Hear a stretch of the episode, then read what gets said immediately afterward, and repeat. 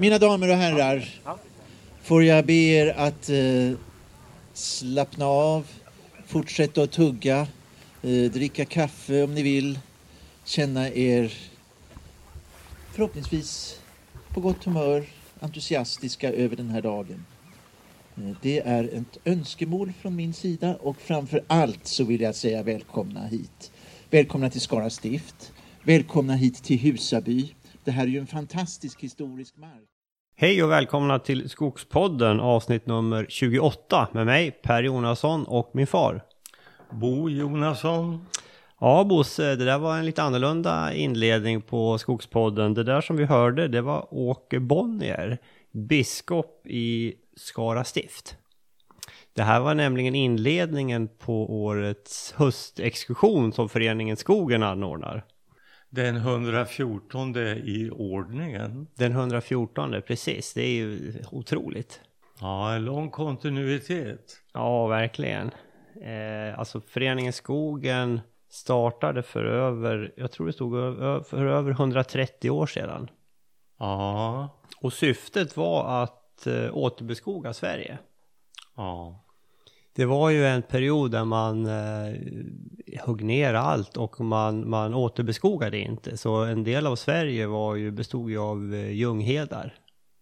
I sydväst var det Ljunghedar, i Norrland och eh, andra skogsbygder så var det tras och restskogar som en följd av eh, upprepade plockhuggningar. Mm. Där man bara tog ut de värdefulla träden. Ja. Och då eh, bildades eh, Föreningen Skogen. Det finns ju andra också som höll på med eh, planteringar och sånt. Men, nej, men det här är ju kul. Och det här är alltså 114 exkursionen som vi har varit med på Bosse i förra veckan. Ja, eh, föreningen Skogen hette annat på i begynnelsen. Eh, skogen, det nuvarande namnet är, är ganska, ganska sent. Jag kan inte exakt det här. Men, jag tror att det ganska långt fram i tiden hette Norrlands skogsvårdsförbund. Ja, ja. Jag kanske har fel där, men det namnet existerade. Ja. Ja, ja. ja. Innan vi går in på eh, och pratar om exkursionen Bosse ska vi också eh, nämna att eh, det här avsnittet är sponsrat av Föreningen Skogen. Eh, man kan bli medlem där. Bosse, både du och jag är medlemmar förstås. Mhm. Och eh, kika in på deras hemsida om det kan vara något för er också.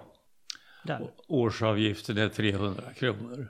Precis, årsavgiften är 300 kronor och det är alltså 8500 medlemmar som ökar. Och man får en rad medlemsförmåner när man går med.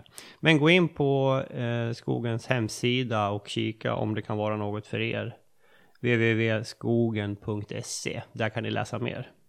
Nu sparkar vi igång eh, avsnittet Bosse. Det där var alltså Åke Bonnier och var, var var vi någonstans? Vi var på Kinnekulle sluttning med eh, utsikt eh, över, över det böljande jordbrukslandskapet. Um, Vi var vid någonting som heter tusenårsaltaret. Det här är helt nära Husaby kyrka. Just det. Väldigt vacker plats. Kolossalt vacker trakt. Ja, Västergötland. Ja, ja. Imponerande jordbrukslandskap. Just den där platsen där, eh, tusenårsaltaret, det var ju...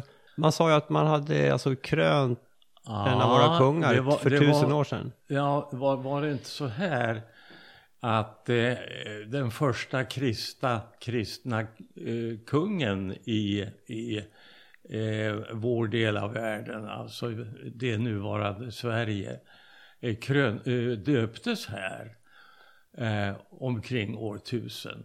Mm, Olof Skötkonung hette han ju. just det. Ja men så var det nog.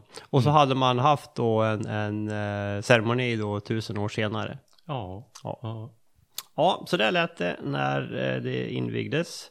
Så vi tänkte dagens eh, podd, där vi kommer gå igenom eh, vad som hände och vi har ju, vi hade ju naturligtvis med oss inspelningsutrustningen så vi har spelat in en del intervjuer och föredrag under, under de här två dagarna.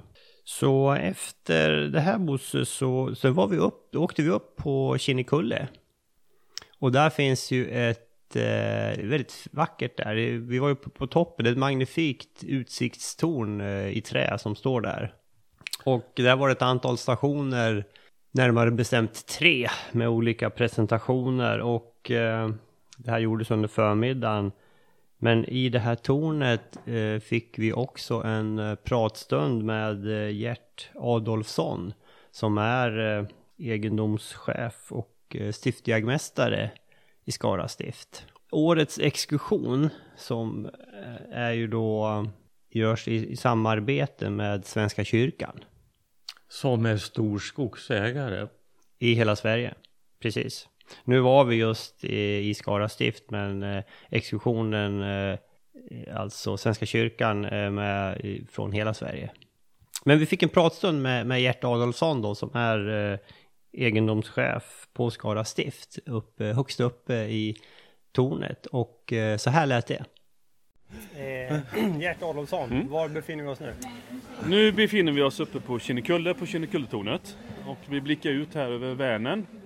Och västerut så ligger Kållandsö och norrut, eller nordväst blir det väl, ligger väl Karlstad stift uppe. Och eh, rakt norrut så ser vi bland annat då Hällekis och eh, Torse där längst bort. Ja. Vänerns största ö. Precis, och Mm. var, var, varför är vi här då? Jo, vi, nu är vi på alltså, Föreningen Skogens höstexkursion. Mm. Och du är stiftsjägmästare på i Skara stift, stämmer det? Det, det stämmer. Ja, och ni är alltså eh, värdar eh, för den, just den här exkursionen då? Ja. Eh, jag företräder här nu hela Svenska kyrkan, alltså från Lund till Luleå kan man säga. Ja, Så att det är vi prästlöntillgångarna som har organiserat den här exkursionen då i samarbete, väldigt bra samarbete med Föreningen Skogen. Så det är den 114 skogsexkursionen tror jag. Just det. Höstexkursionen. just det. Och det är första gången som kyrkan är värd. Ja, i modern tid sägs det. Man vet ju inte hur det var i början. Men troligtvis är det så. Ja, så nu har vi precis ätit lunch. Vi har varit runt på tre olika stationer här uppe Mm. på Kinnekulle. Mm. Bara, kan du berätta lite grann, vad är det vi har fått se? Nej, vad, vad vi i Svenska kyrkan vill lyfta då, det är ju liksom både teori och praktik om det vi kallar ekosystemtjänster. Ja, Och det är då tjänster som bidrar till eh, människans fysiska och psykiska välbefinnande. Och då har vi hört om både teorier om ekosystemtjänster, eh, om eh, biosfärsområdet och också lite praktik i form av eh, två praktiska ekosystemtjänster. Det ena är ju vår, våra pilgrimsleder ja, där vi då har ungefär 40 mil här i Skara stift. just det. Och sen eh, det andra caset, eh, det är ju det här med mountainbike.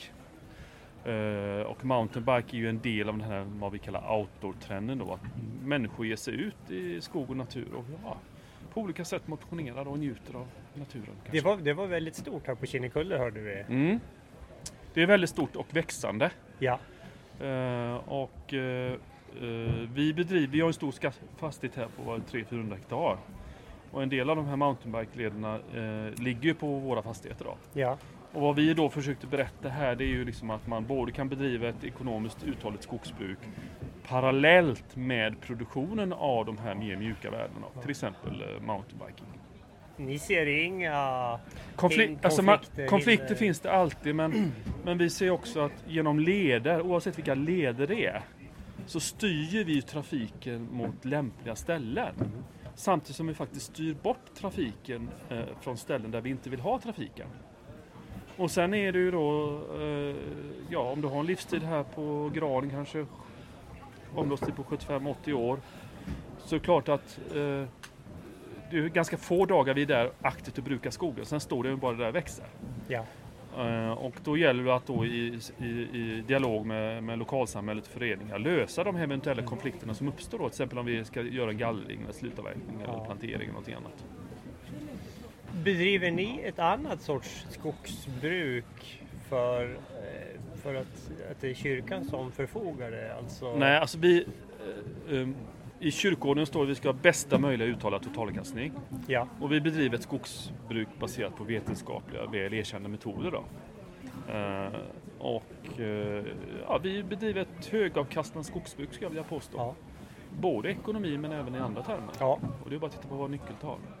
Så ser man det. ja, Så att vi, vi vill ha ett, ett vi bedriver, försöker bedriva ett väldigt aktivt förbättrande skogsbruk där vi tar till oss nya metoder, ofta forskningsbaserade och försöker tillämpa dem i praktiken. Ja, Så vi jobbar mycket med tallföryngring.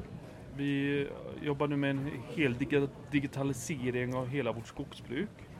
Med alltså di- di- digitala framtagning av digitala traktunderlag som skickas ut till entreprenörer.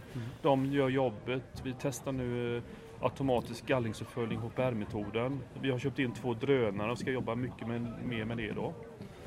Eh, Och vi har, har en helt ny, eh, ska man säga, skogligt system då. ja. Så att tanken är att jobba väldigt digitalt och eh, öka kvaliteten, öka precisionen. Och, eh, så vi gör rätt saker rätt tid och verkligen skapar värden över tid. ja. Det är viktigt för oss. ja.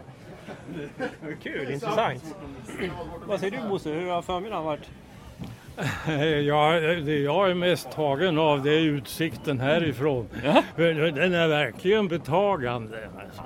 Vi, vi ser Kållandsö i väster och jag tror att vi ser Läckö. där. Det är Läckö slott, det vita eh, det är Läckö slott. Det är Lagardis eh, gamla slott. Det stämmer och det. det är ju så praktfullt. Mm, det är vackert. Ja, och det här är ett enormt gammalt stenbrott har vi strax nedanför oss. Här. Just det. Eh, Kinnekulle rekommenderas som utflyktsmål. Ja, alltså jag blev riktigt sugen på att cykla här när du började prata om de här Ja. mountainbike-lederna. Det kom folk från, eh, inte bara lokalt utan även större hela världen var någon från eh, nu som har cyklat. Ja. Det här ser vi ju, det ser även jag då som eh, både här, är här och faktiskt jagar här lite grann.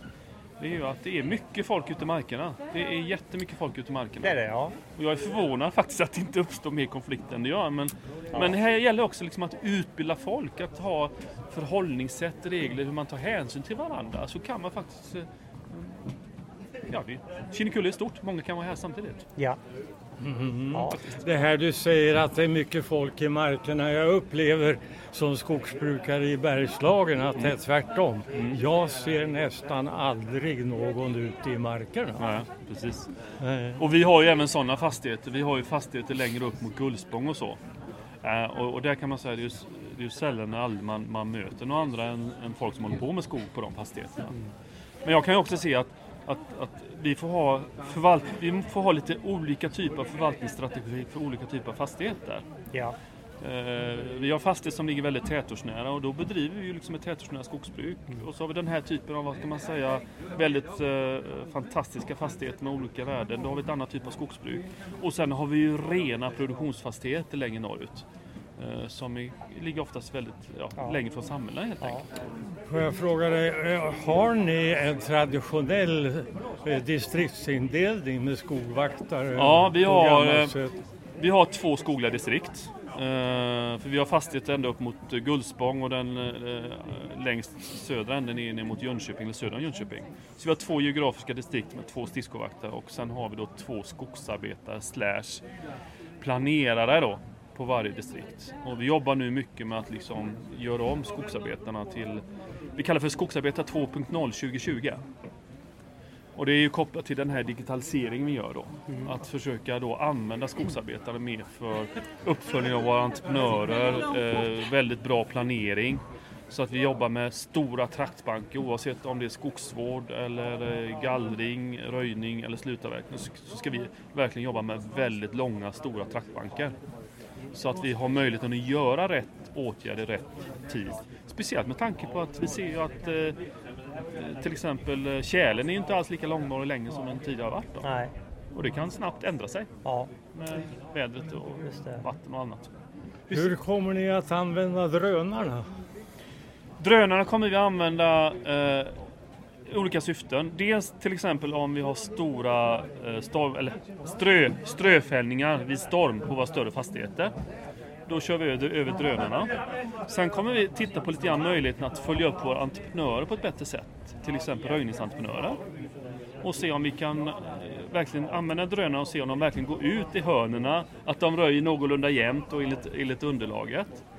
Eh, Och sen kommer vi nog använda drönarna även för att besiktiga våra fastigheter på jordbrukssidan. Till exempel istället för att skicka upp någon gubbe eh, med stege och stövlar så kanske vi skickar över en drönare och fotograferar taken istället. Då.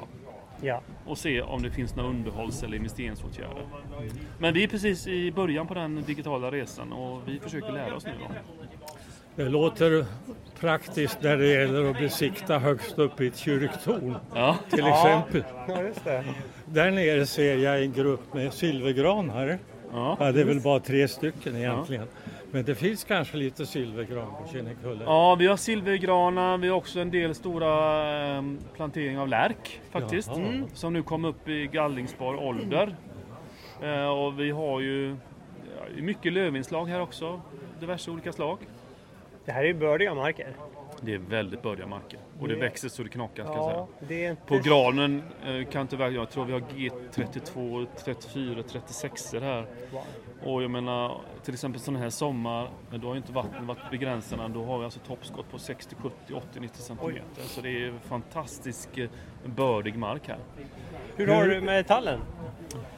Vi har inte så mycket tall här, men vi kommer ju prata mer om tall eh, imorgon då. Mm. Ute på vår Tibrofastighet. Och det är mer klassiska tallmarker kan man säga. Ja. Sandhedar och så. Just det.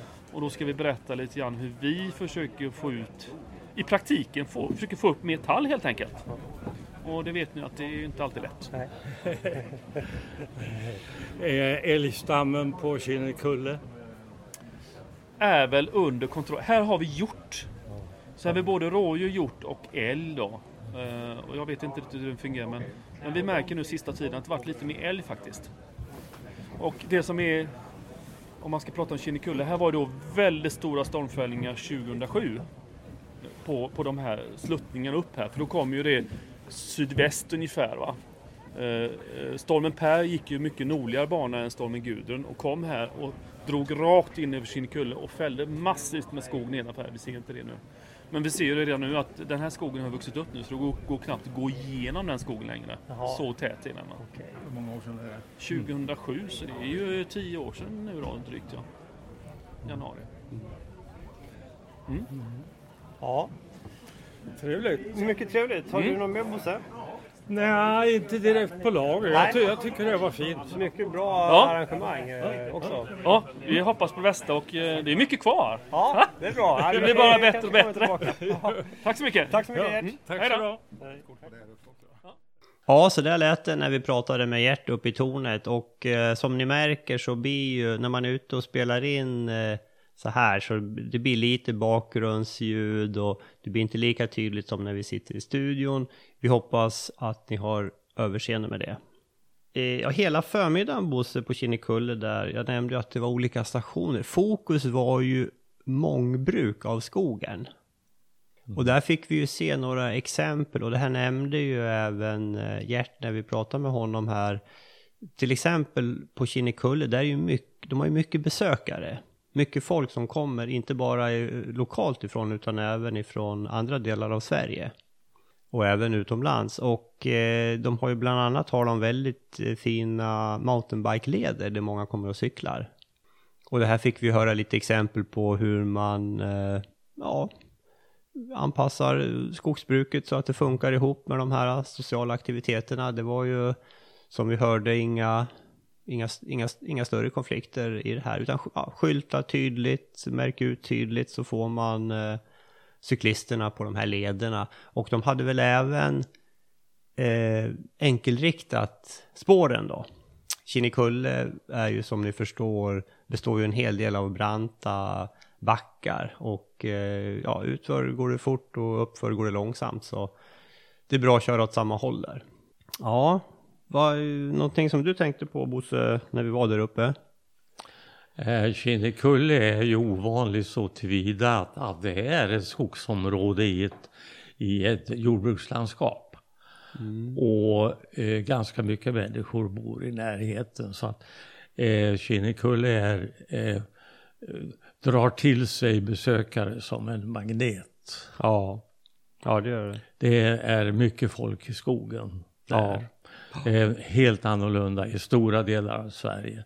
Där man mera sällan ser människor ute i skogen. Nej. Men det här har ju då eh, Skara stift lyckats eh, förena väl med att driva ett aktivt skogsbruk. Utan tvivel är det Ja. så ja. Mm. Bra. Ja, sen eh, under eftermiddagen eh, Bosse, så eh, då var vi på en gård, eh, Eh, en fastighet som heter Rämningstorp. Där vi fick eh, se lite grann om den senaste utvecklingen vad gäller eh, fjärr, fjärranalys av skog, det vill säga man använder lasermätningar gjorda från flygplan och eh, nytt var också här de visade vissa mätningar gjorda från eh, satelliter. Det här är ju ett väldigt spännande område som många som, som eh, jag pratade med under exekutionen lyfte fram just det här som ett väldigt spännande område och en hel del nyheter. Vi har ju tidigare pratat om de här möjligheterna som finns på mina sidor som, som Skogsstyrelsen har, där man kan gå in och se sin egen skog då. Mäta volymer och trädhöjder och grundytor och sånt där. Och vi har ju antagligen bara sett början på den här utvecklingen. Så det här var väldigt spännande att eh, få se och höra av eh, de forskare som, som håller på med det här. Och där har vi även eh, en, eh, se om vi kan ta det nästa podd, eh, spelat in lite grann ifrån den här presentationen. Vi hinner inte med det idag, men eh, vi kan nog ta med det på nästa podd. Vad säger du Bosse? Du har ju sett den här uh, utvecklingen under, under lång tid. Eh, ja, um, jag kan inte säga att, att jag har följt den och jag har kanske varit lite skeptisk till den. Eh, nu har vi använt den här i några sammanhang och bland annat, bland annat kunnat kontrollera de volymer som det här laserskannade materialet ger jämfört med uppmätta volymer. Och i de två fallen så har resultaten med de båda metoderna blivit nära nog exakt detsamma. Mm. Så jag är kolossalt imponerad. Du är inte skeptisk längre? Nej, inte som jag var från början i alla fall. nej, nej, men det här har ju, det har ju varit till stor hjälp och jag menar, jag tror att vi kan eh, utnyttja det ännu mer vid planering av åtgärder i skogen. Ja, det, känns redan som en naturlig del i planeringen faktiskt. Ja. Ja, mm. de pratade ju om på den här presentationen att vi är ju snart nere liksom på individnivå. Alltså träd för träd man kan se och få information om. Mm. Ja, det är fantastiskt. Då mm. kanske man kan, tror man kan se då ifrån satelliten vilka du har stamkvistat, vilka tallar. Blir nog svårt. ja, det är inte så långt bort. Låter lite science fiction, men ja, ja vi får se. Ja. Mm. Det, vi får se, vi, det kommer kanske.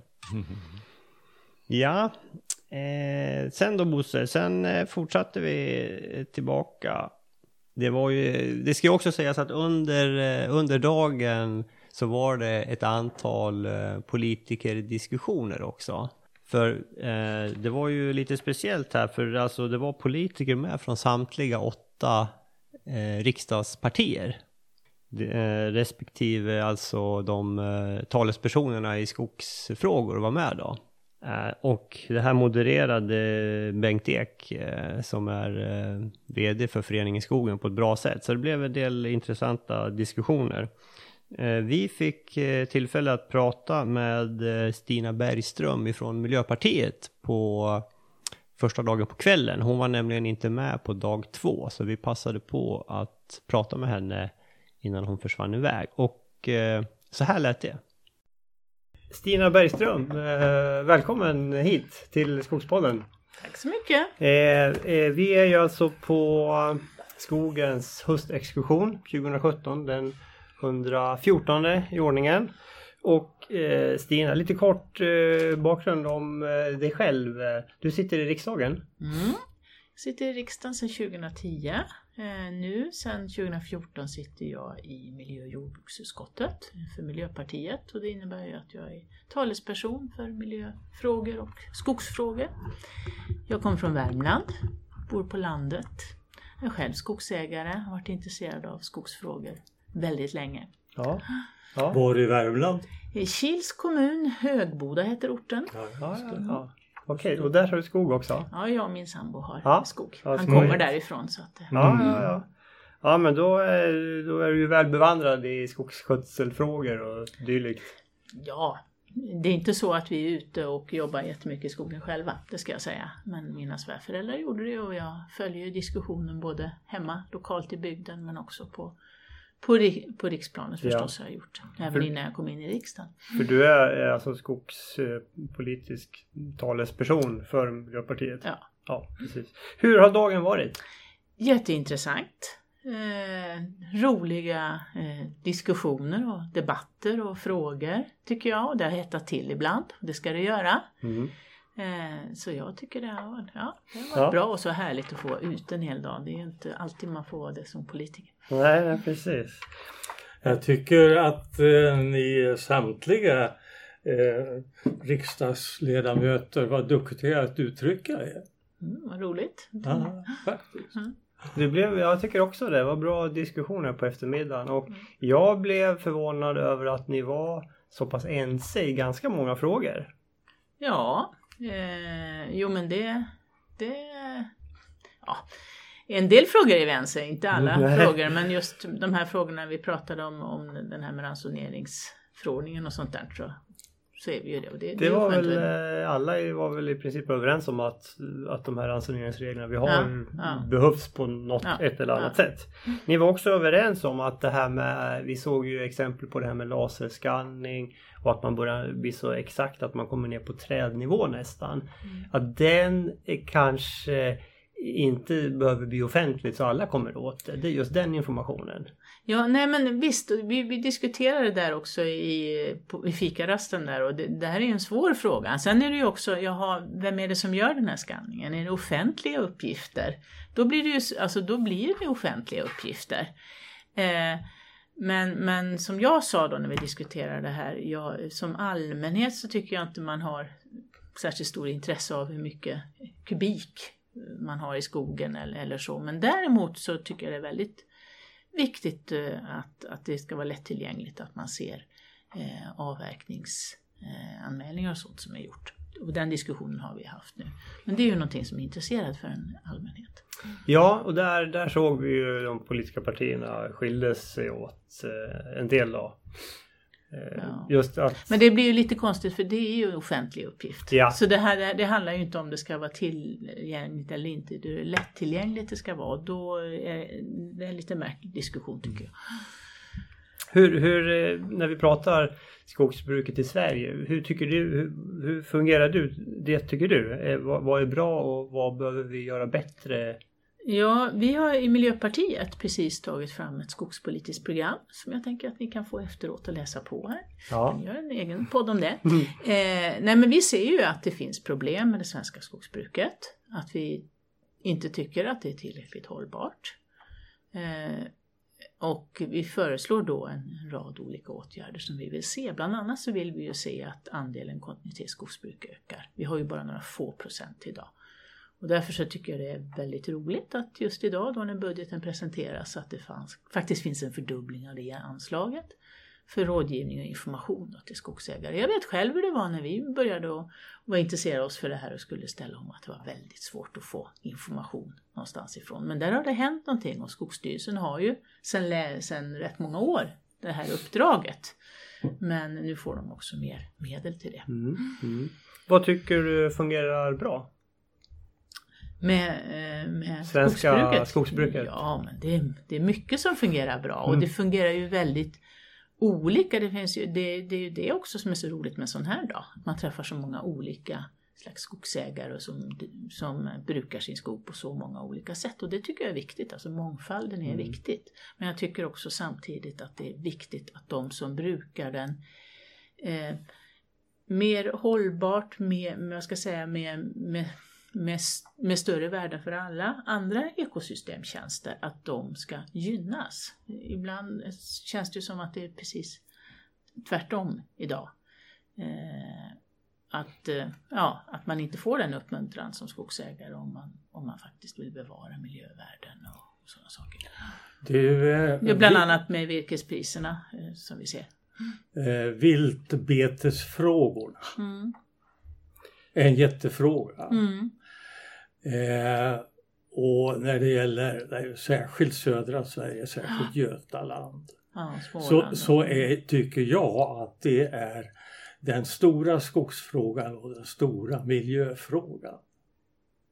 Mm. Ja, det är, ett, det är ett jätteproblem med, med betestrycket.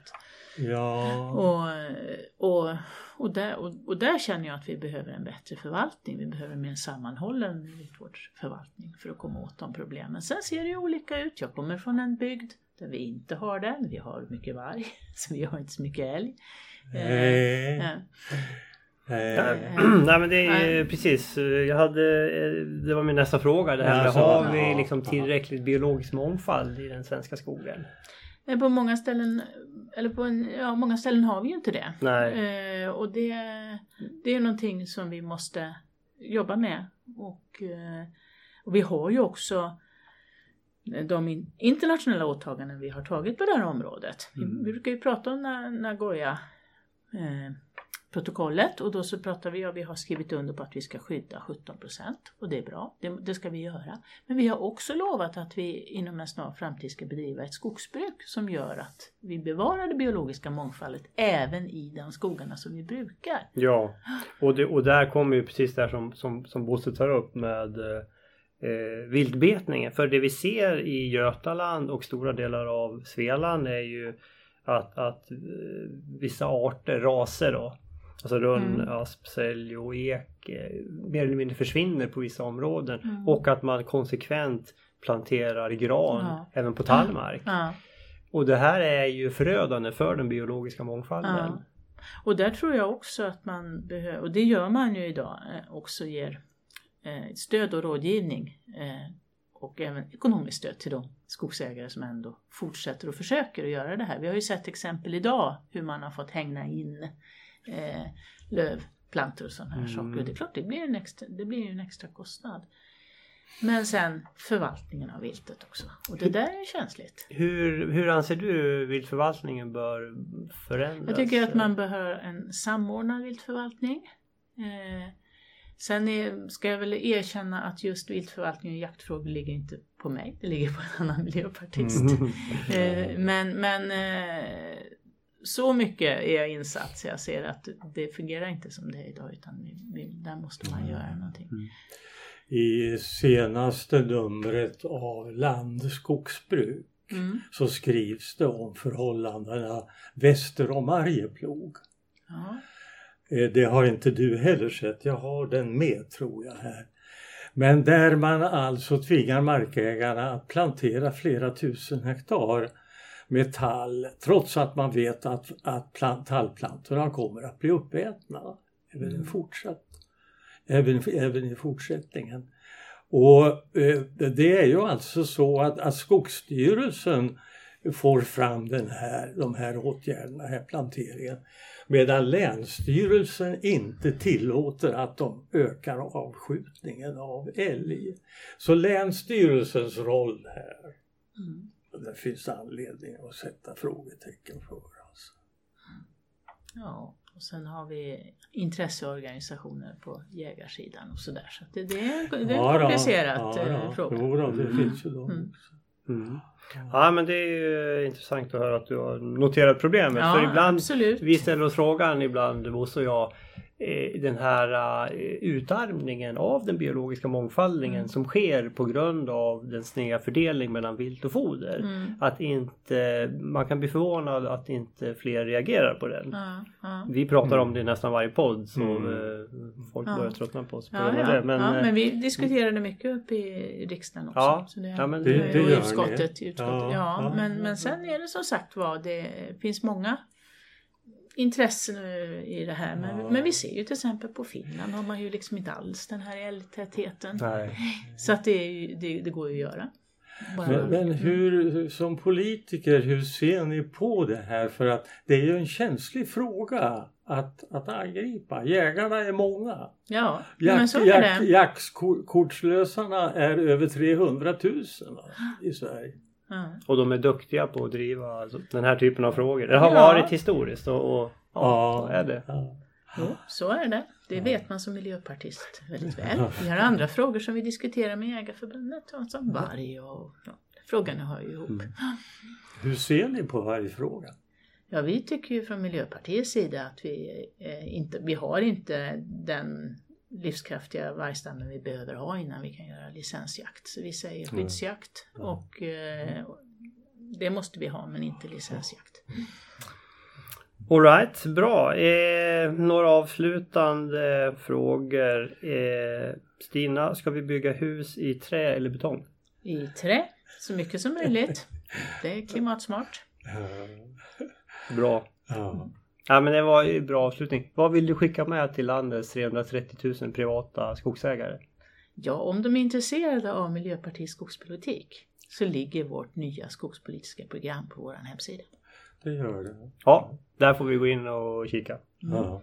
Tack så mycket Stina för att du tog dig tid. Ja, tack så mycket. Ja, trevligt.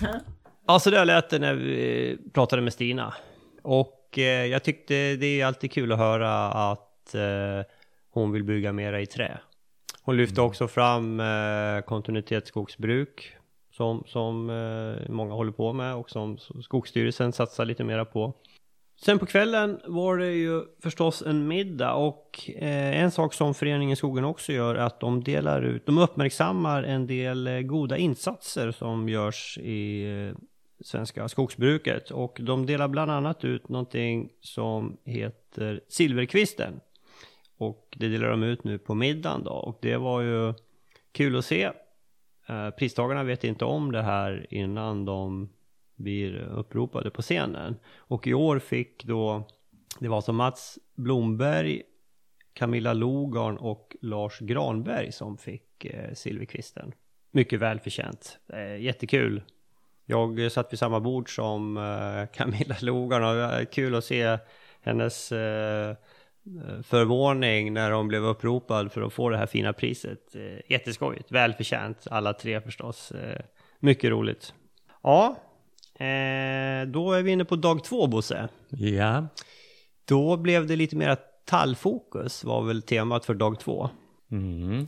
Och det vi gjorde först var vi åkte ut i skogen till Tibro, eh, som är då eh, Skara stift, har en fastighet där.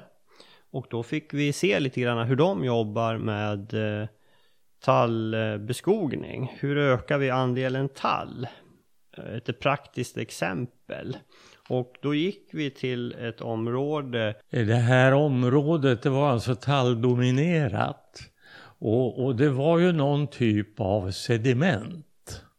Mm. Här. Eh, lite ovanlig terräng. Eh, vi blev stående sen i, i en T26. Eh, en förhållandevis tät fröträdställning. Mm. Där man hade markberett och sått under fröträden. Mm.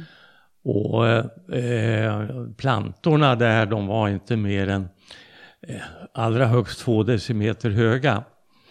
Eh, och eh, det kommer att bli en tät plantskog av det där. Mm. Eh, sedan den framtida skötseln av det här pratades det faktiskt inte så mycket om. Men det, eh, det skulle vara väldigt intressant att återvända där, till det här där det har kommit upp till, till röjningshöjd faktiskt. Mm. Ja men absolut. Ja, vi kan väl eh, vi kan lyssna på när eh, Fredrik Bergqvist och eh, Jonas Zetterlund båda är stiftsskogvaktare på Svenska kyrkan när de berättar om hur de har gjort det här. Här kommer de. Ja, Fredrik Bergqvist heter jag och är stiftsskogvaktare på vårt norra distrikt och förvaltar den fastigheten vi är på här idag i Tibro.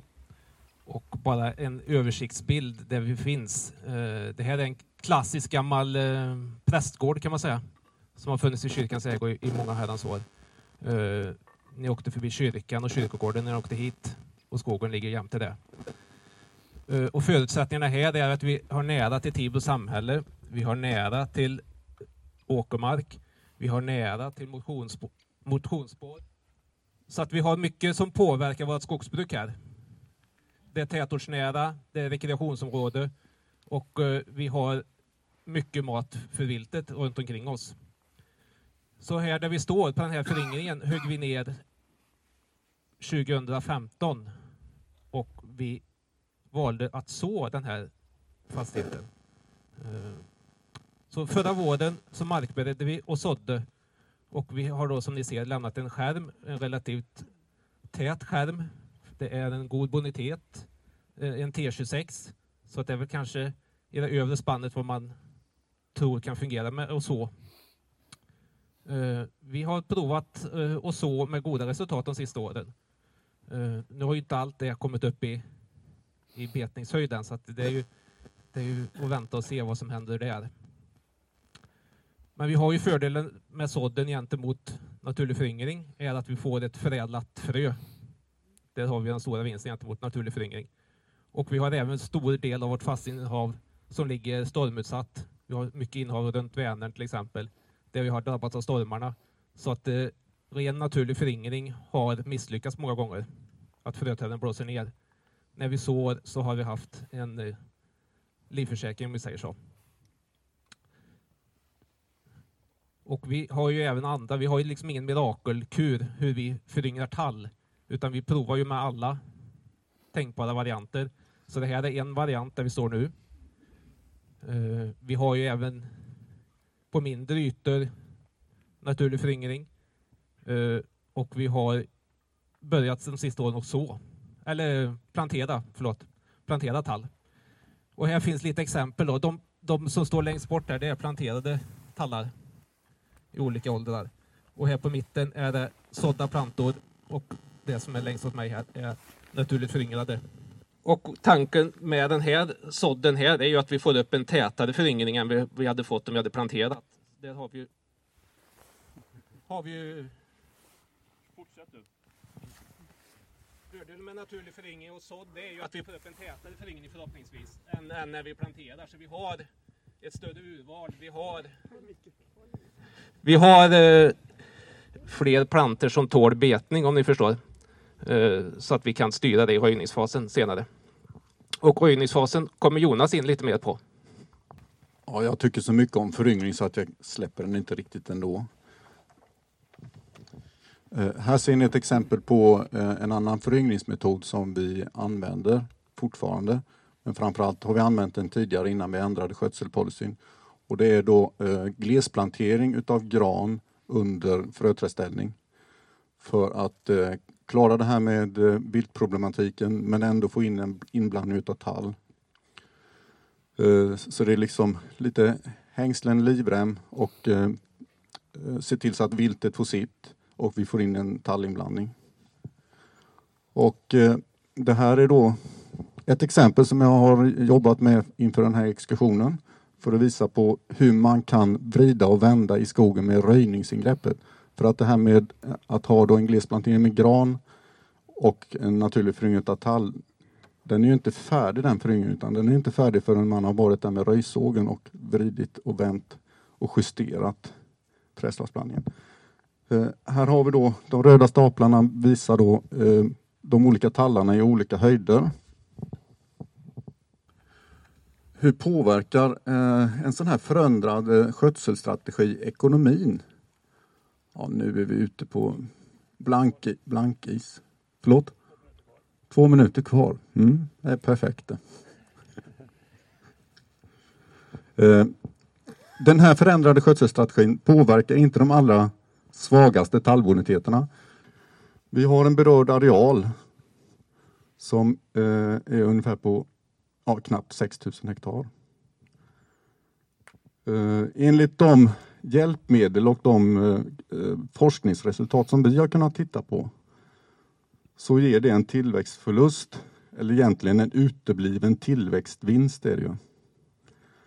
På ungefär 6000 kubikmeter per år.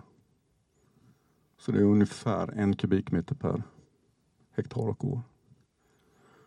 Och så har vi räknat fram ett ungefärligt kassaflöde som det kan innebära. Då. Och det är drygt 2 miljoner utebliven, uteblivet kassaflöde. Och det är beräknat på ett medelnetto på 400 kronor. Men! Det här är vad, vad vi kan ha i, i form av en utebliven vinst. Men vi har ju vinster. Och vi har biologisk mångfald som ökar. Jakt och viltvärdet ökar. Vi får en riskspridning. Vi får en ökad rekreationsmöjlighet. Mindre rötangrepp i skogarna.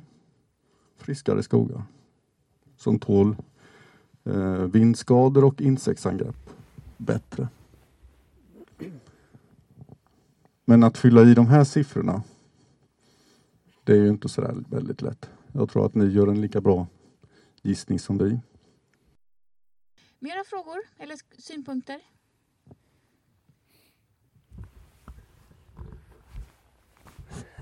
Där har vi Skogspodden. Ja. Håll nu micken vid munnen. Ja. ja.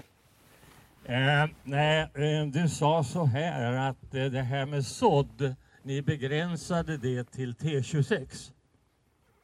Var det rätt uppfattat? Eh, nej, jag menar på att T26 är kanske i det bördigaste laget för att så. Boniteter däröver är, är, har vi för mycket problem med gräsväxt och där, där är kanske plantering ett alternativ. Så det är ju på mellanboniteterna och de svagare som vi, vi, vi sår. Eh, vi är skogsbrukare i Lindebergslag bland annat. Förutom att vi har en fastighet också i Vimmerbyområdet. Eh, och på båda de här ställena, särskilt den i Lindebergslag, så sår vi faktiskt på G30. Men då i blandning med gran. Och det som är, det är värt att prata om det här därför att det går så bra.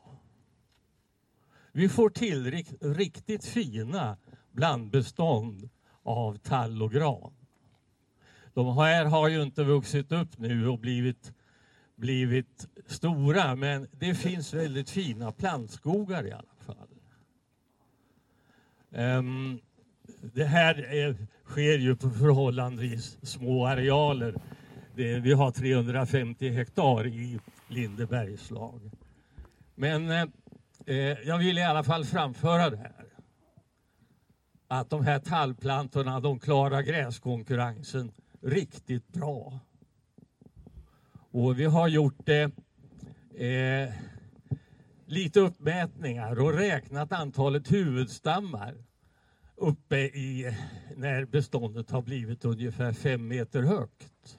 Och det är 30 procent tall i övre kronskiktet då.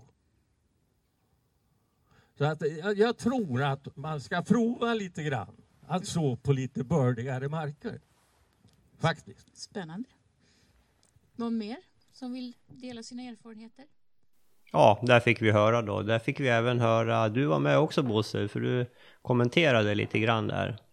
Ja, eh, det, det är en, eh, en bestämd åsikt jag har. Det, det är att eh, det går att med framgång att så, att fröså på betydligt bördigare marker än, än vad som är vanligt.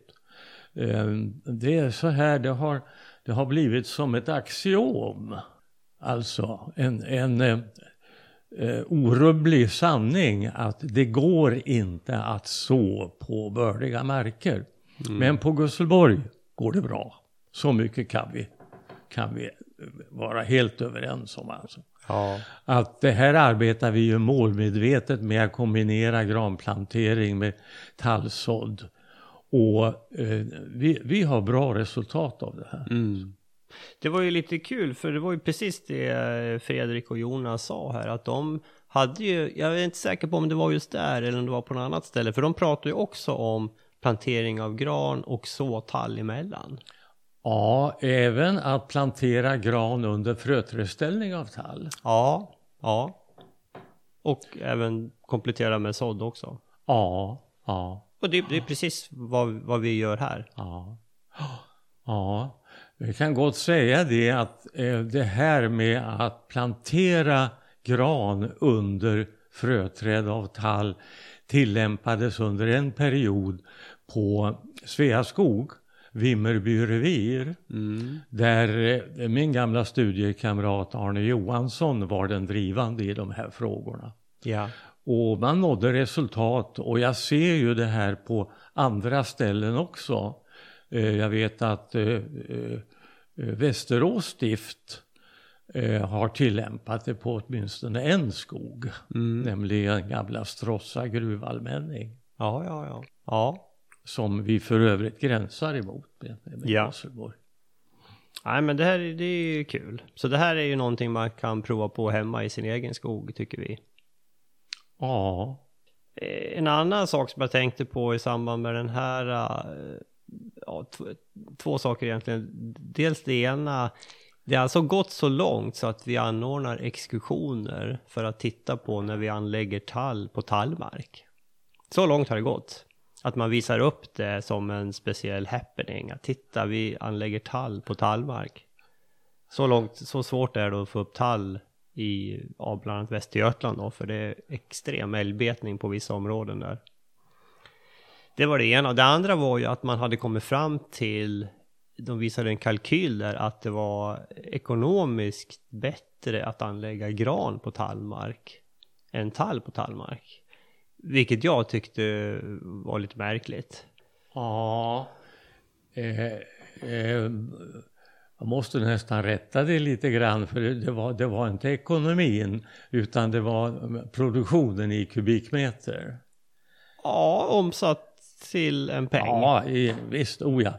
Eh, för I förlängningen sen är det ju en, definitivt en, en, ekonomisk fråga. De hade ju, de hade ju, det var ju ett antal hundra, 200 000 Två miljoner på Två deras... miljoner kronor var det. På ja. deras... Mm. Ja, det var på 6000 hektar kanske. Ja, eh, men en intressant siffra det var ju det här att granen växte en kubikmeter mer än vad tallen gör.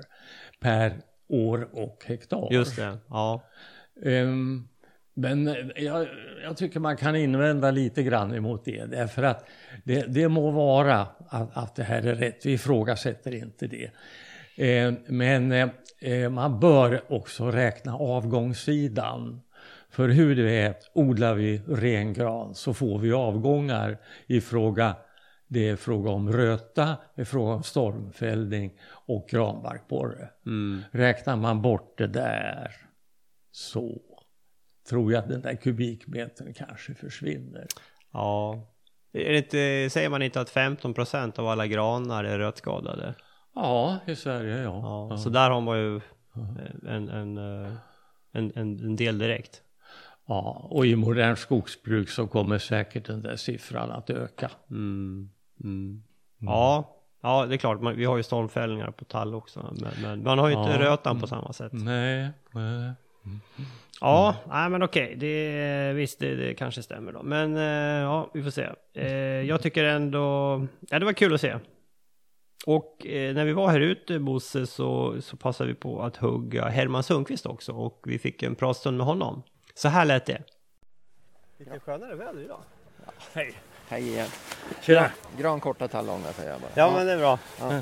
Alright, bandet går, vi tar den ja. kort. Herman Sundqvist, eh, välkommen igen till Skogspodden. Tack så mycket. Vi pratades vid för eh, knappt år sedan. Eller ett halvår sedan? Ja, men, ja ett halvår sedan kanske. Ja, ja. ja, Vi är på andra dagen nu på, på eh, Skogens höstexkursion. Hur har det varit hittills tycker du? Jag tycker det är väldigt bra. Som vanligt om jag får säga det. Jag tycker alltid att höstexkursionerna är väldigt bra. Ja, något speciellt som du vill lyfta fram hittills? Eh, jag tyckte det var en väldigt spännande diskussion eller presentation kring digitaliseringens möjligheter med laserskanning och eh, satellitteknik Eh, och det känns väldigt tydligt att i, Sverige så är vi mitt i ett tekniksprång ja. på det området. Och där känns det som att Skogsstyrelsen ligger långt fram och, och med laserskanning och dylikt. Ja, Skogsstyrelsen är, är, långt fram på det området och det är många andra aktörer också. Det är ju det är så goda idéer uppstår på många ställen, ibland samtidigt och det bidrar till, till utvecklingen. Ja, nej, vad skojigt, jätteskojigt. Idag är ju ganska mycket fokus på tall Mm. Och vi, nu, vi hade ju en presentation här nyss då, där vi såg stiftet, de presenterar sin, de, de sår tall och planterar gran. Och, och, men de hade ju eh, ett exempel här att de, de säger att eh, produktionen eh, minskar när man anlägger tall på tallmark.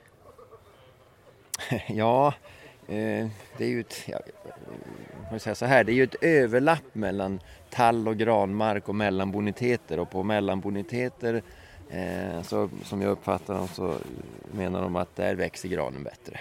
Och det sker ju också, det tillkommer ju ny kunskap här, inte minst för norra Sverige så presenterade ju SLU för något år sedan och ganska hänsynslösa tillväxtsiffror för tall då istället jämfört med gran.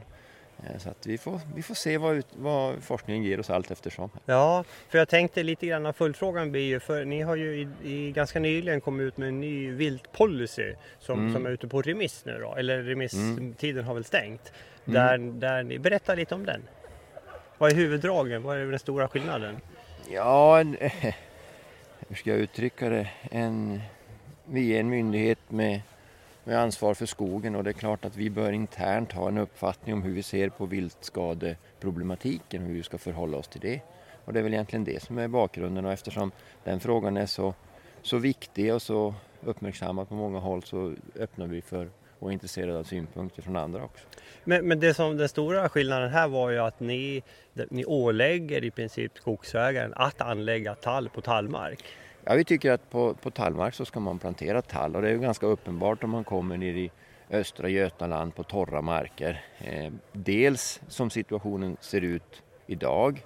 Eh, att anlägga granbestånd där är ju ingen jättelysande idé känns det som om man tittar 20-30 år framåt i tiden. Och om vi dessutom eh, tar in prognoser om hur klimatet kommer att förändras med att somrarna kommer att bli ännu torrare så känns det ju väldigt riskfyllt.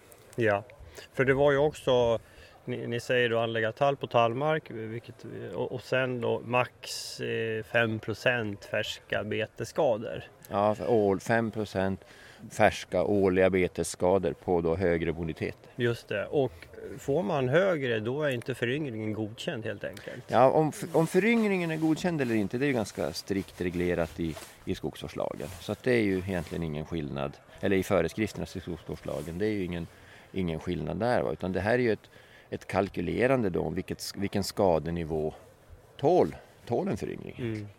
Okej. Så om man, om man ligger, för idag är det många som ligger på mellan 10 och 15 färska betesskador. Ja. Ja, det är ju det är på många håll en helt ohållbar situation. Det var en exkursion uppe i Norrbotten i Arjeplog för en tid sedan där eh, Skogsstyrelsen har ålagt markägaren då att, att börja om för att det helt enkelt uppfyller inte skogsvårdslagens krav, den föryngring som fanns där. Ja, just det. Vi, vi pratade lite kort om älgförvaltningen när vi pratades vid för något Mm. drygt halvår sedan. Hur, hur, eh, hur anser du att, att den fungerar idag? Skogsstyrelsen har ju i en del debattartiklar uttryckt en del önskemål om förbättringar. Ja, jag, är, jag är övertygad om att systemet är, är bra och har förutsättningar för att fungera men det är, det är ju dags att börja leverera nu. Åren går och vi, må, vi måste helt enkelt komma till rätta med den här situationen. Vi behöver skjuta mer älgar och plantera mer tall. Och det vi har sett här idag på den här exkursionen, nu framgår inte det av radion men jag tycker det är ett alldeles utmärkt exempel på att det går att föryngra med tallskog också på lämpliga marker och det ska vi naturligtvis göra.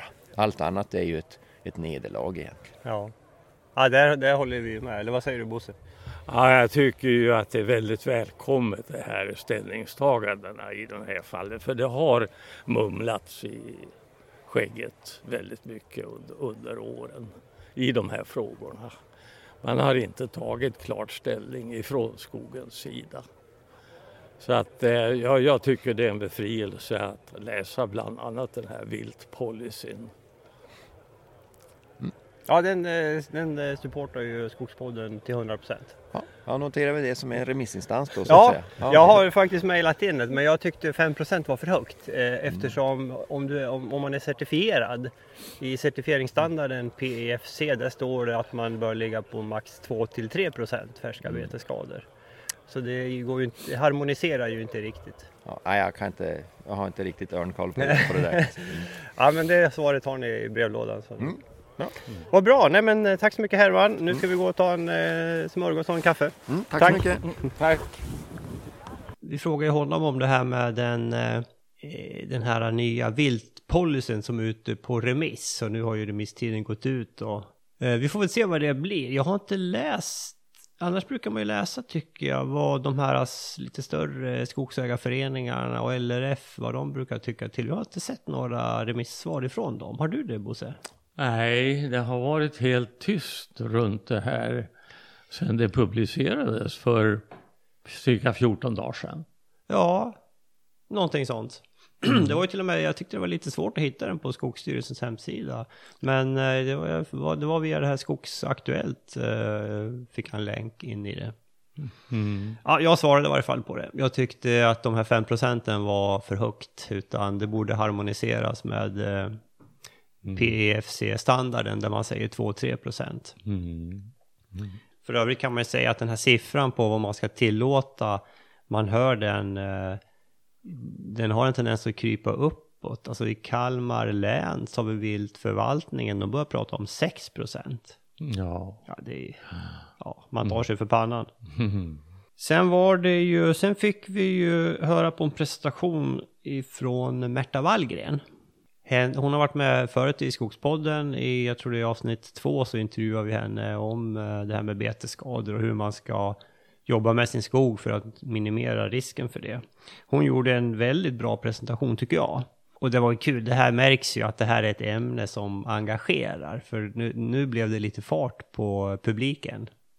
Där en del då tycker naturligtvis, ja det är för mycket betesskador och en del tycker att nej men vi vill ha mycket älg för vi, eh, vi vill jaga älg, vi tycker det ska vara så. Så det, det är klart, det här finns olika åsikter och eh, vi, eh, jag har faktiskt spelat in hela den här eh, intervjun i sin helhet. Nu är den lite för lång för att ta med i det här avsnittet så vi kommer att ta med den i nästa podd tänkte vi. För den är så pass bra så den förtjänar att lyssnas på. Eh, Och där har vi även eh, en del eh, frågor och dylikt från publiken som, som kommer med också. Så det får bli en cliffhanger till nästa podd. Men vi fick en kort intervju med Märta i skogen på väg tillbaka till bussen. Så här lät det. Tomt bakåt tror jag. Märta, Märta Wallgren, välkommen igen till Skogspodden. Tack så mycket. Du har varit med förut. Ja. ja. Vilken fantastiskt bra presentation du gjorde här precis. Ja, tackar. Det var väldigt stort. Nu, nu hettar det till lite grann också i, eh, märkte man bland publiken. Ja, det brukar göra det med de här frågorna. Ja. Jag är van vid det. ja. ja, men du, du, pratade ju väldigt, du var ju väldigt tydlig. Du pratade i klartext. Ja. Det behöver man göra ibland.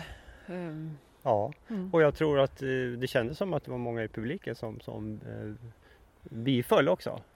Ja, nu är det ju en, en eh, tacksam publik att prata för också. Ja. När det, vi är här, vi har ett gemensamt intresse för skogen. Ja. Så att eh, i en annan samling kanske det hade blivit andra slags diskussioner och färre som hade bifallit. Men, men eh, jag försöker hålla det på en logisk nivå Ja. och grundat i biologi och, och skog. Ja. Eh, Vad möter, möter du för reaktioner då om vi tänker oss en samling av bara jägare? Ja, det, är, det är sällan jag är ute och pratar för en samling bara jägare. Ehm, det var en svår fråga. Jag, jag samarbetar ju med eh, forskare på Jägarförbundet och där är det ju inga problem. Vi, vi samarbetar bra och vi har för bra diskussioner så länge man håller det på en vetenskaplig nivå. Eh, men naturligtvis så, den stora kärnfrågan i det här är ju att man ställer ekonomiska värden och ekonomiska förluster från eh, ett skogsbruk mot de här sociala, ekonomiska, kulturella värdena som är förenat med älgjakten. Och det är väldigt svårt att mäta eh, de här två typerna av värden mot varandra, att ställa dem mot varandra. För att eh, beroende på vilket intresse man har så väger ju det väldigt tungt och det, det ska ju få göra det också. Ja. Du, vi- du pratar inte så mycket totala kostnader för viltbetningen. Södra och Göran Ölander har ju tagit fram en siffra. De, ungefär en miljard i Götaland uppskattar de kostnaden till. Ja. Är det här någonting som ni räknar på också på Skogforsk? Ja, jag nämnde det lite kort att vi, vi håller på och jobbar startar upp ett nytt projekt där, som egentligen går ut på att titta på många olika ekonomiska modeller som finns i omlopp och har funnits i omlopp. Alltså olika sätt att räkna på. Ja. Eh, för beroende på vilken modell man använder och vilka antaganden man gör så kan man nå lite olika resultat när det gäller de här kostnaderna. Och för att kunna få jämförbara siffror och kunna prata om samma sak, att vi inte jämför äpplen och päron, så behöver vi först och främst tillsammans eh, bestämma oss för vilken ekonomisk modell ska vi använda oss av för att räkna. Och, eh, tidigare har det visat sig att man har fått genom olika ekonomiska beräkningar ganska olika resultat. Eh, så det vill vi också titta på. Alltså en, en utredning egentligen i hur vi ska räkna på Ja. ekonomin. Ja.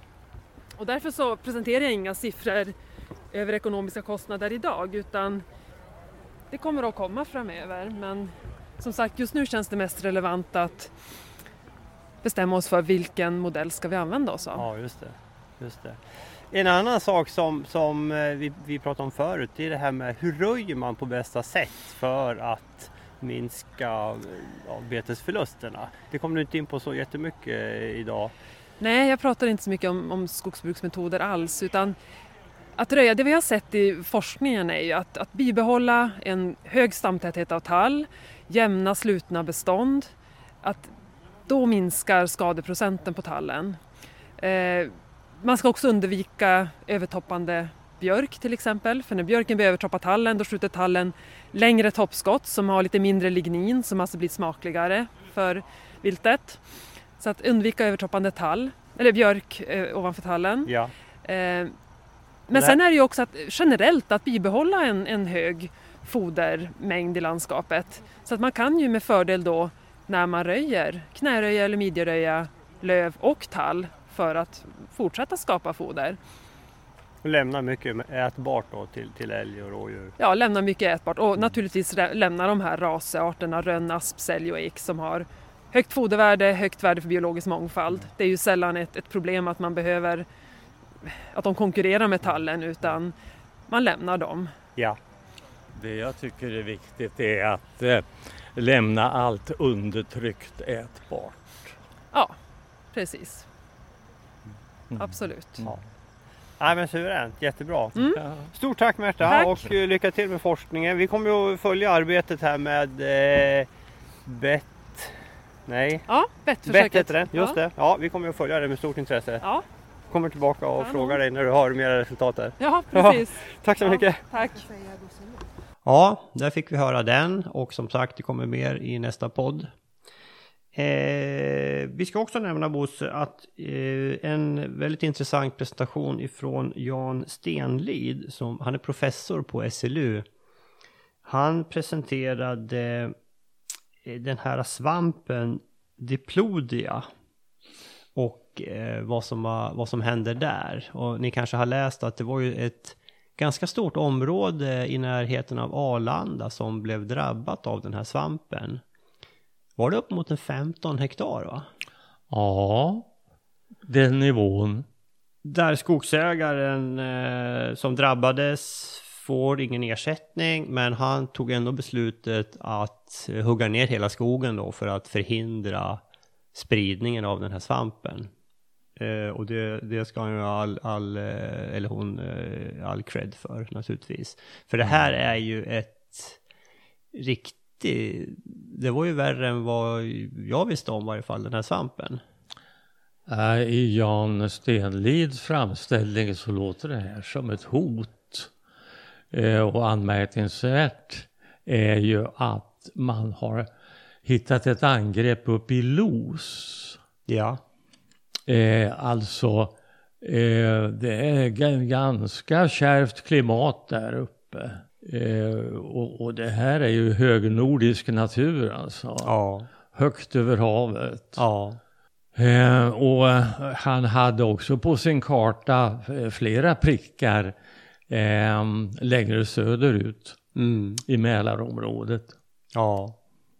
För den här svampen är ju tydligen ganska vanlig på kontinenten, Tyskland, Frankrike, där, man, där vi har ett mildare klimat. Och han visade ju när nu klimatet blir successivt varmare så kommer svampen att förflytta sig norrut då, men att den redan hade kommit så långt norrut det är ju, ja det är ju ytterst oroväckande för man har ju inget bot för den här.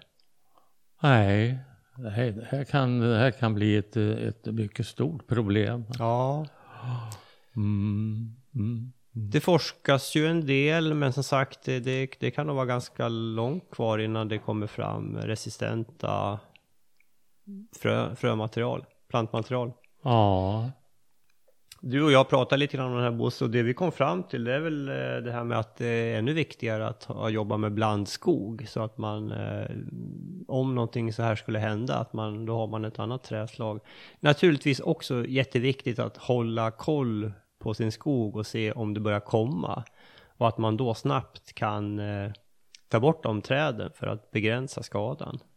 Ja, Nej, men jag håller med dig om det där med blandskogar alltså. Inför alla sådana här hot så tycker jag att man kommer fram till det att det effektivaste sättet att skydda sig mot katastrofala skador det är att anlägga blandskog.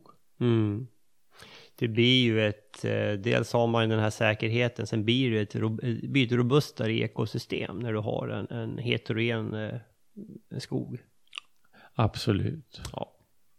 Ja, eh, vi ska se om vi kan kanske i nästa avsnitt få med hela Jan Stenlids presentation. Jag har den också. Eh, men jag, det blir lite för mycket att ta med det, det här avsnittet. Men eh, ja, vi lyssnar på nästa avsnitt så ska vi se om vi kan klämma in den där.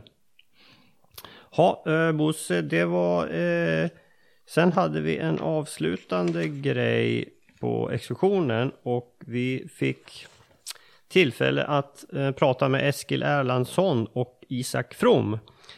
Eskil är ju från Centerpartiet och eh, Isak är ju från Socialdemokraterna. De är ju eh, alltså skogspolitiska talespersoner för respektive parti då. Så vi fick en pratstund med dem och så här lät det. Alright, vi sparkar igång. Eh, Eskil Erlandsson och Isak From, välkommen till Skogspodden. Tack så mycket. Tackar. Eh, med oss har vi också Bengt Ek, VD på Föreningen Skogen mm. och Bo förstås.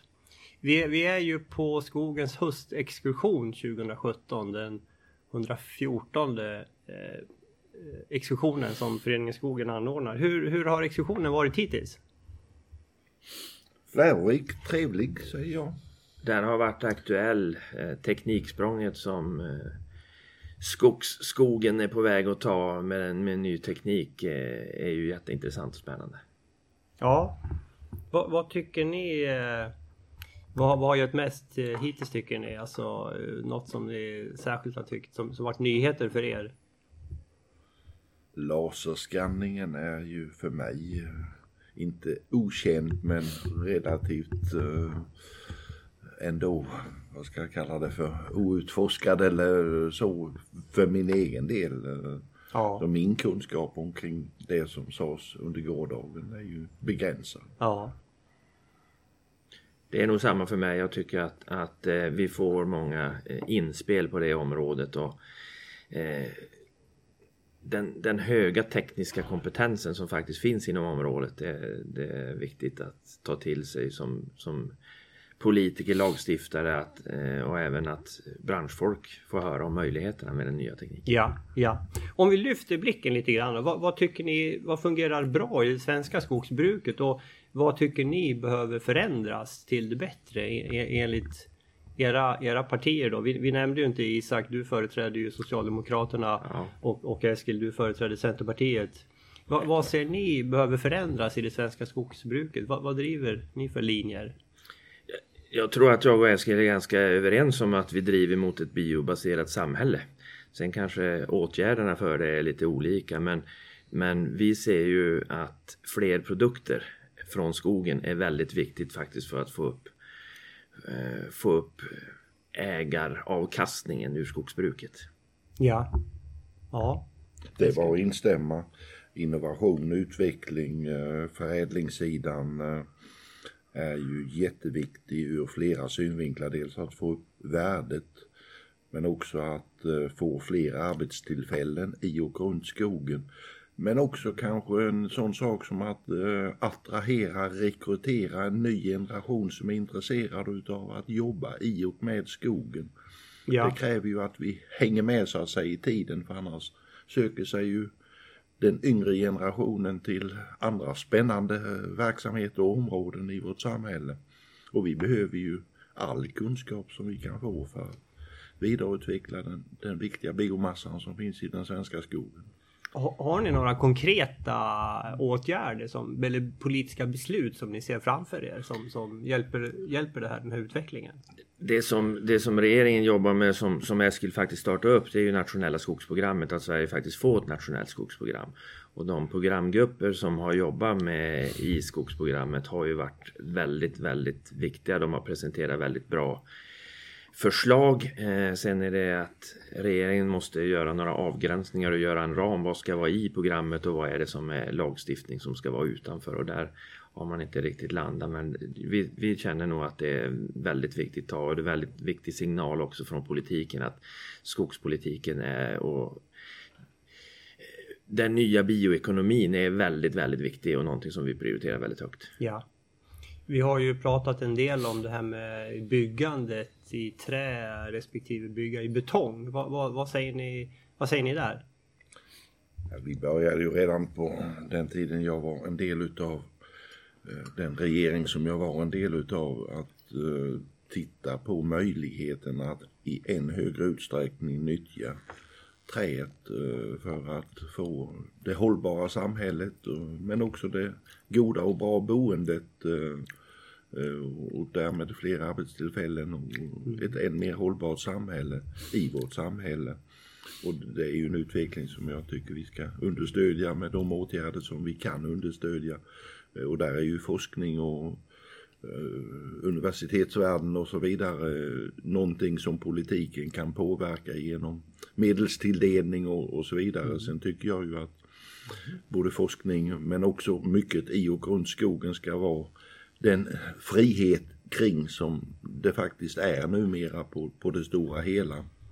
Även fortsättningsvis för jag tror att vi får bäst utfall då utav och med den svenska skogen. Ja. För det, idag byggs ju bara 10% av flerfamiljshusen i trä.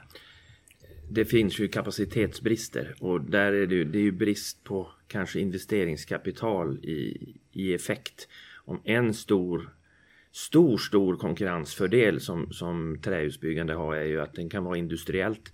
Du kan bygga huset i delar i Burträsk i Västerbotten och frakta det och sätta upp det med väldigt korta byggtider centralt i Solna i Stockholm eller någon annan utav storstäderna och, och få en, en produkt som, som är av verkligt hög klass. Som både ger eh, utveckling i hela landet, jobb i glesbygden och, och kortare byggtider. Och det är klart att, att, att politiken signalerar att det här är en möjlighet och att också att, att staten är med kanske att initialt bidra både till forskning och utveckling men att det finns statligt riskkapital också för att man kan få igång för att det har inte varit helt lätt om du har gått till banken i Vilhelmina och säger att jag vill starta en husfabrik eller en liten. Det då säger de du är knäpp. Eh, mer eller mindre. Och, Ja. och där behöver det en vändning. Alltså Ja. vi behöver ha mer produktion där skogen finns. Likväl i Småland som i Västerbotten. Ja. ja. S- Ser ni några liksom, konkreta beslut för att liksom skynda på den här utvecklingen med mer trähusbyggande? det, det, det mesta tror jag faktiskt görs på kommunalt plan. Alltså när man i planerna, kommunerna, alltså när man sätter det och avsätter att i det här området ska vi ha trähus. Och att man också från branschen uppvaktar bostadsbolagen och säger att den här produkten finns faktiskt. För det är, det är okunskap också. Ja.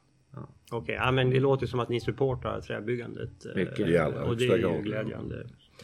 Eh, En, en eh, diskussion vi hade på förmiddagen här, vi har sett flera föredrag om, är ju alltså de, de viltskador och det betestryck som, som finns i skogen då.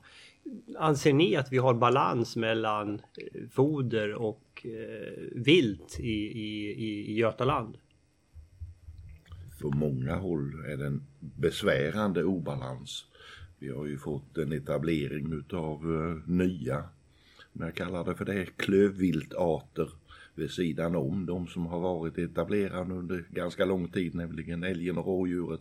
Nu har vi ju rätt rejäla stammar utav kronviltet, utav dåviltet i stora delar utav Götaland och de tillsammans kan ju orsaka förfärande skador eh, beroende på att eh, maten räcker inte helt enkelt utan man Nej. får ge sig på det som ska bli någonting annat än mat till, till det vilda. Så Ja. lokalt är det besvärande skador, riktigt Ja. besvärande skador till och med. Vad säger du Isak? Det finns ju ganska intressant forskning som SLU håller på med på flerartsförvaltning och det syns ju också att när det kommer in nya klöv, klövdjur, dov och kron framförallt där de inte har funnits i tidigare så får älgen också ett annat beteende. Då, då kan den, som vi också hört idag, gå på ännu större utsträckning på tall. Mm. Och det är klart att vi behöver ju faktiskt förändra synen från att som det har varit i myndighets-Sverige, att det har varit ett bevarande som har varit i grunden. Det har varit en man har fått en tilldelning. Och vi behöver förvalta ur ett flerartsperspektiv på ett bättre sätt. Eh, och det här är ju både en fråga för politiken men främst markägare och jägare tillsammans. Så ni, ni eh, Isak, du, du ser inte att det behövs någon nå politiska beslut utan det här måste lösas lokalt? Nej, jag tror att det kan behövas för, förordningsförändringar och det kan också behövas att man, att man ser över eh, älgförvaltningsområdenas storlek. Alltså framförallt i södra Sverige så, så är de ju för små. De finansieras ju inte heller. Utan eh, det har gått eh, på gammal hävd om man behöver se över det här. I, I norra Sverige så är det stora förvaltningsområden som finansieras genom fällavgifter och det funkar relativt bra. Det skulle vara rätt enkelt att föra in kronviltet som är väl det som är på tapeten i norra Sverige på vissa delar. Men i södra Sverige så, så måste man ta bredare tag. Är det en fråga som, som regeringen kommer att driva på något sätt? Ja, regeringen har gett ett uppdrag till Naturvårdsverket att titta på det här och man har, man har också kommit med ett förslag kring, kring en annan kronhjortsförvaltning. Så där, som det heter fint så bereds i regeringskansliet. Men vi driver på och, och jag tror att det är väldigt viktigt. Framförallt så blir det ju en ekonomisk fråga. Vi har ju, det är finansministern till slut som bestämmer. Och exportvärdet på svensk, svenska träprodukter är väldigt högt. Det kommer väldigt mycket pengar från skogen. Det är viktigt för Sverige. Ja, absolut. Net, nettoexporten från svensk träindustri är ju överlägset största industrigrenen Ja. när det gäller nettoexporten. Bosse, Bengt, kompletterande frågor? Ehm, ja, ja, hur reagerade ni då på när forskarna eh, konstaterade att nej, det är inte så enkelt att man bara ska skapa fram mer annat foder i skogen. Det tyckte jag var ett lite nytt inspel. Det har ju pratats mycket om att eh, vi kan odla mera, skog i skogs, mera foder i skogsbruket så lämnar älgen tallen. Men så enkelt var det inte alls, sa dagens forskare. Nej, det är egentligen det vi är inne på också. Kommer det in nya klövdjursarter så går de så blir det mer konkurrens om kanske det mest attraktiva fodret. Och det visar sig också att man trycker ut älgen eh, i andra områden. Och då kan du få ännu större betesskador på tall till exempel. Eh, så att det är egentligen inte så okänt eh, utan det är egentligen likt på samma som tidigare tema att vi behöver göra någonting åt det här. Eh, en sak som jag uppmärksammade det var en artikel i eh, Land skogsbruk om förhållandena väster om Arjeplog. Eh, där eh, det uppenbarligen är jättestora betesproblem. Och där eh, Skogsstyrelsen trycker på att markägarna måste plantera om stora områden. Medan Länsstyrelsen inte tillåter just någon ökning av avskjutningen. Det, det där är en sak som borde tittas närmare på. Det där är ju en fråga alltså, som vi har i norra Sverige delar som, där vissa delar får väldigt högt bötestryck Ja. på vandringsälgar som framförallt vandrar ner från, från fjällen. De här stora ståtliga sarekälgarna är ju ett, ett, ett exempel på det där man ju har varit ute i debatten och vill ha skyddsjakt på de här stora som ju egentligen då inom Sarek är fredade. Men de går ju faktiskt ner i skogslandet i Arjeplog, i Sorsele och, och, orsakar ofantliga skador på, på de planteringarna. Och, och det är klart att markägaren är skyldig att återplantera och behöver vidta åtgärder där och här behöver man hitta åtgärder för att, att de älgarna faktiskt fälls tidigare på rätt plats.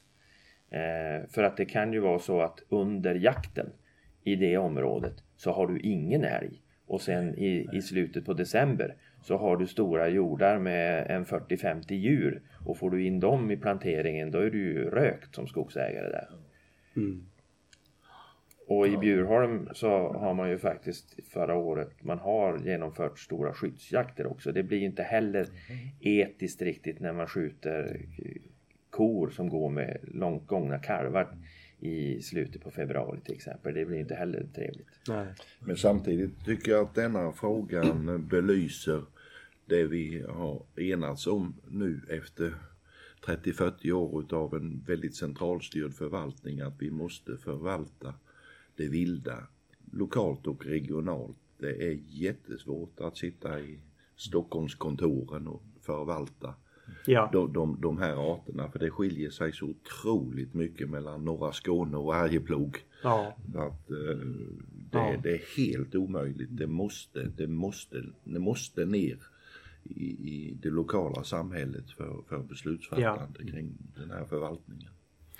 Nu börjar de vinka här på andra sidan fönstret. avslutningsvis, vad, vad, vill ni skicka med till Sveriges 330 000 privata skogsägare? Har ni några ord att skicka med?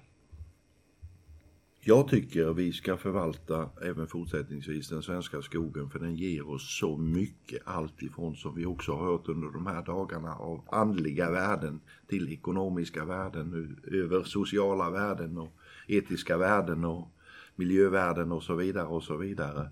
Vi ska göra det för vår egen del men också för de generationer som kommer efter oss för det här är ju en förvaltning som sträcker sig över generationer.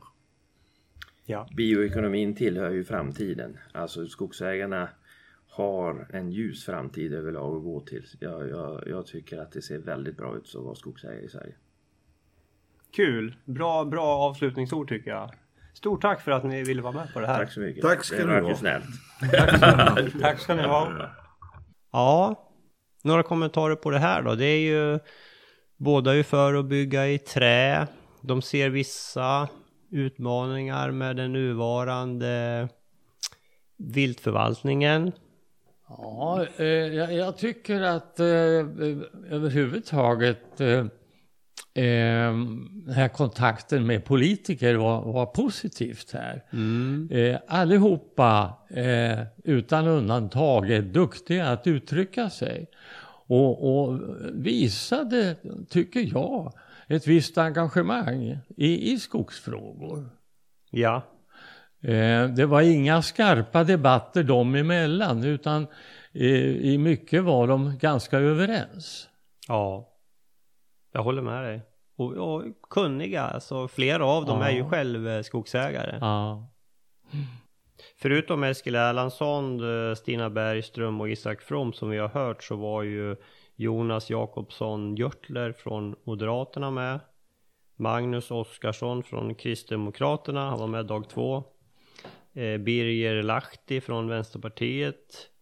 Runar Filper från Sverigedemokraterna och Lars Tysklind från Liberalerna var med. Ja. Mm. Så det blev bra, bra diskussioner, ja helt klart. Ja, jag mm. tycker det. Det var det hela Bosse. Jo, vänta nu. En, eh, vi nämnde ju lite som hastigast när vi pratade med Eskil och Isak From där om det här med eh, eh Sveriges export. Och i senaste numret av Danske Bank Skogs och ekonomi.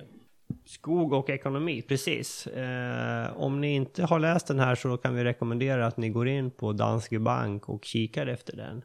Eh, den är bra. Där finns en tabell på eh, Sveriges eh, varuexport 2016 och där ser man att nettoexporten är ju överlägset störst från skogsvaror.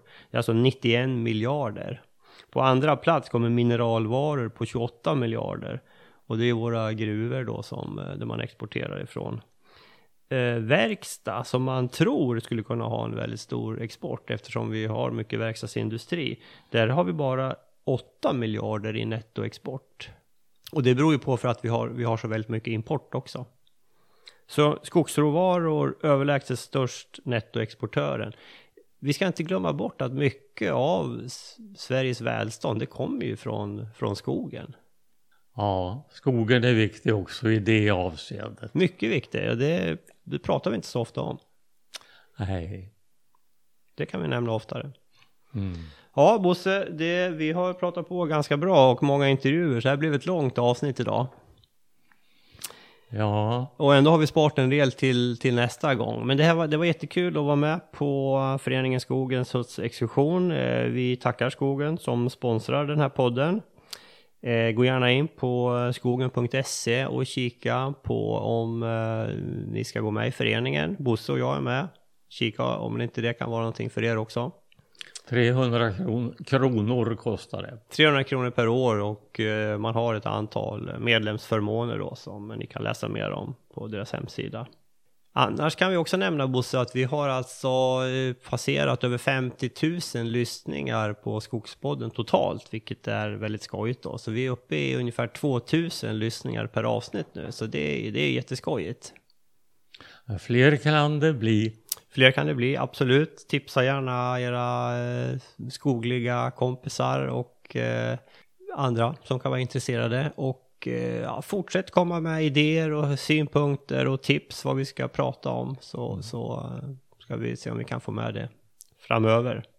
Ja. Några avslutande ord Bosse? Eh, vi har pratat tillräckligt tror jag, hördu. Jag tror vi har gjort ja, det. Ja, det var i alla fall en väldigt intressant eh, exkursion. Eh, väl arrangerad. Flyt i allt. Mycket bra. Inga väntetider. Nej, allt praktiskt fungerade klockrent och det jag skulle kunna, om jag skulle få önska något till, till nästa gång är att vi hade gärna kunnat titta på skogen lite mera. Alltså de här presentationerna som ägde rum. Det var ju, ja när vi satt och pratade tall då satt vi i den här tallskogen och där. Men annars var det ju liksom, det var inte så mycket som hörde samman med just skogen där vi var. Att man tittar på lite mer praktiska exempel i skogen. Så det kan ju vara någonting att, att Mm. ta med sig till nästa gång. Men jag håller med, jättebra arrangemang och trevliga människor. Kul att prata med skog, liksom folk så här. Det är lätt att få kontakt med, med folk och ja, det är jätteskojigt. Och vi var alltså tre fullastade bussar. Ja. En ganska stor apparat att dra igång när man är ute i skogen med, med det ska vara smörgåsar och fika och lunch och dylikt. Ja, men det funkade bra. Tack för det. Okej, eh, vi hörs igen om eh, tre veckor. Det gör vi. Hej då. Hej.